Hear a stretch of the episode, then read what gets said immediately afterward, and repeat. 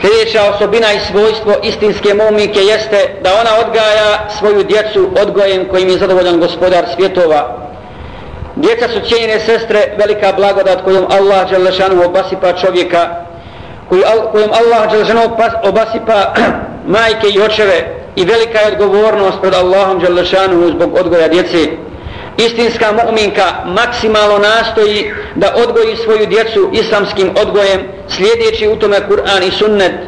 Ona odgaja dijete da voli Allaha Đalešanu i njegovog poslanika Muhammeda sallallahu alaihi ve sellem, Da voli borbu na Allahovom putu i stepen šehida i uči ga da žrtvuje sebe i svoj imetak na putu uzdizanja Allahove vjere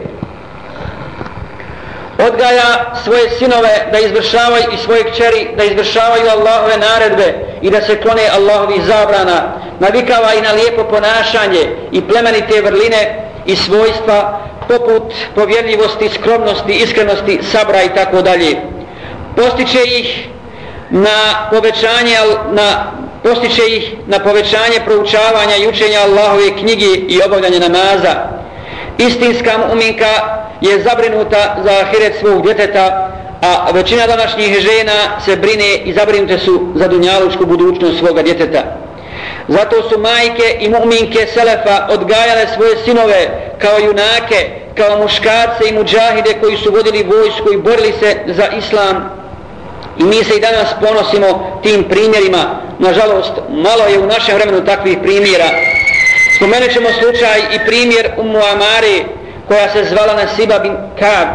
Na ugudu je vidimo kako se dostojno odnosi prema žutvovanju svoga djeteta. Njen sin Amare je ranjen u desnu ruku.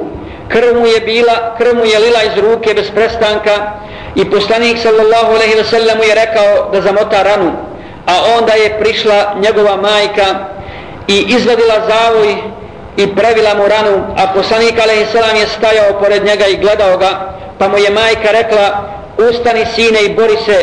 Na to je Resul sallallahu alaihi ve sellem rekao on nije u stanju uraditi ono što ti možeš o Muamare dakle to je primjer istinski bogobojazne mu'minke koja voli ahiret i žudi žudi za Allahovim džennetima koje on obećao istinskim mu'minima.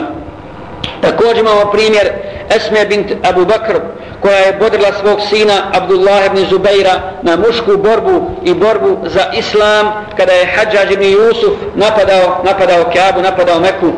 Bodrila ga je i govorila da umre smrću dosto, dostojnom jednog čovjeka, jednog mu'mina, jednog ashaba Rasula sallallahu alaihi wa sallam.